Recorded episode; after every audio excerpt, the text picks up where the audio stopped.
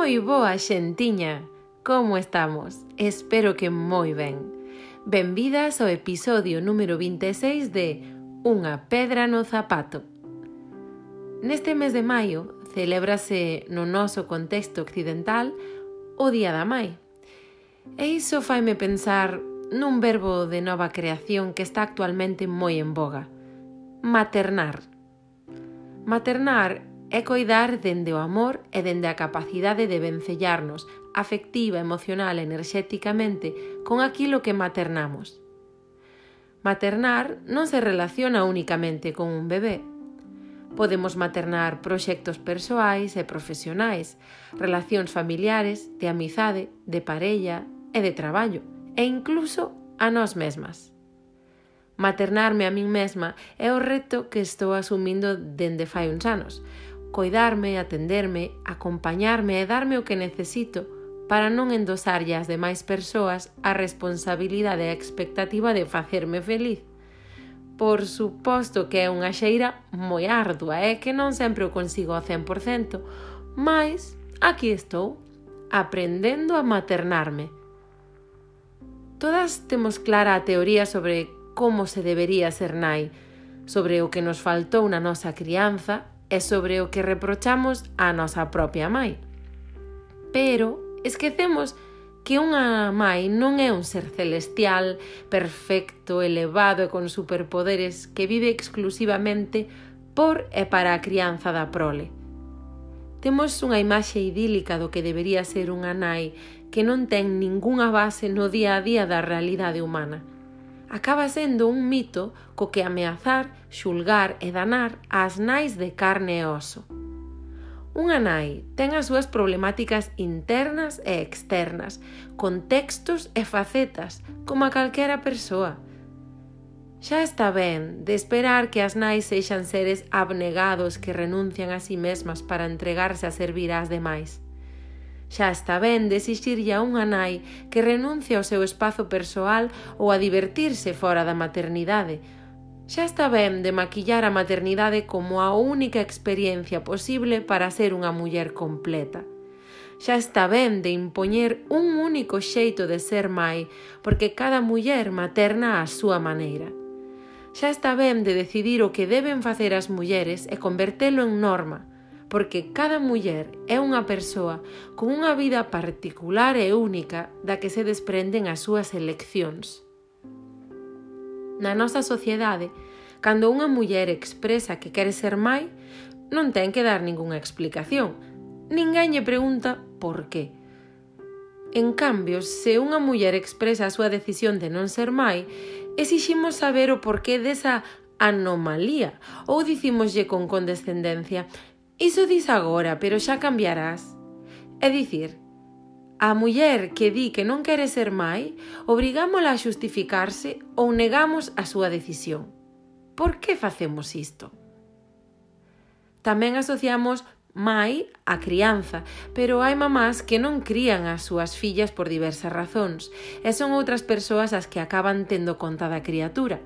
Polo tanto, crianza non é exclusivo dunha nai nin vai ligada sempre ao feito de parir. O sistema empúrranos a considerar a maternidade o camiño obrigado para ser considerada unha muller plena. O determinismo biolóxico úsase para incitar ás mulleres a parir e ser nais só porque o seu corpo é capaz de xestar, a muller nai emerxe así como unha institución que, sexamos sinceras, é indispensable a muller nai para a continuación do sistema de mercado. Pois que faría sen esas pequerrechas que serán a futura man de obra e consumidoras da engrenaxe? Existen diversos arquetipos non maternais que sempre estiveron presentes, pero que non interesou falar deles polos riscos que supoñía dar ás mulleres outras opcións de vida que non pasasen obrigatoriamente pola maternidade. Amazonas, guerreiras, magas, bruxas, doncelas, sacerdotisas, sabias, curandeiras. Hai referentes femininos que foron silenciados e estigmatizados, pero hoxe podemos recuperalos e dotalos do noso propio sentido e valor. Gustaríame recomendarvos o libro Nais arrepentidas de Orna Donath, unha mirada radical á maternidade e ás súas falacias sociais, e tamén o libro Non Nais de María Fernández Miranda, Mulleres en fillos contra os tópicos. Tamén quería recomendarvos a web de Nadia Carolina González Martínez. É unha doula que escribe maravillosamente sobre que significa maternar. Por suposto, toda esta información vou vola deixar na descripción do episodio para que poidades curiosear, investigar... En definitiva, o que quero transmitir é o agradecemento tanto para coa nosa nai como para con todas esas figuras maternas que participaron da nosa crianza e contribuíron ao noso crecemento e desenvolvemento.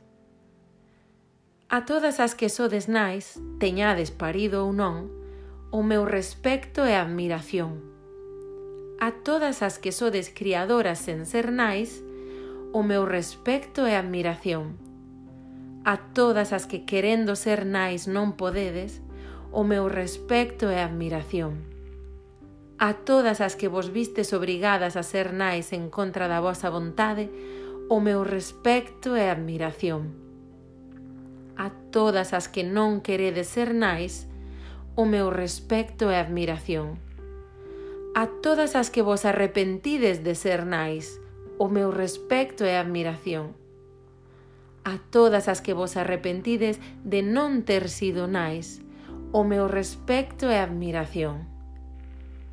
Cada historia importa, cada voz ten valor e non ataca nin eclipsa a outra. Somos aliadas, non rivais. Cada unha coa súa experiencia de vida e a súa toma de decisións persoal e xenuína. Diferentes camiños, mas ningún é superior ou mellor ao outro. Se as mulleres puideramos ter un espazo amable e propio no que reflexionar sobre a maternidade sen condicionamentos sociais, cada unha podería escoller o que quere facer coa súa vaxina sen sentirse forzada, culpable, arrepentida nin xulgada. Creemos, pois, este círculo diverso, agarimoso, sandador e místico, irmás.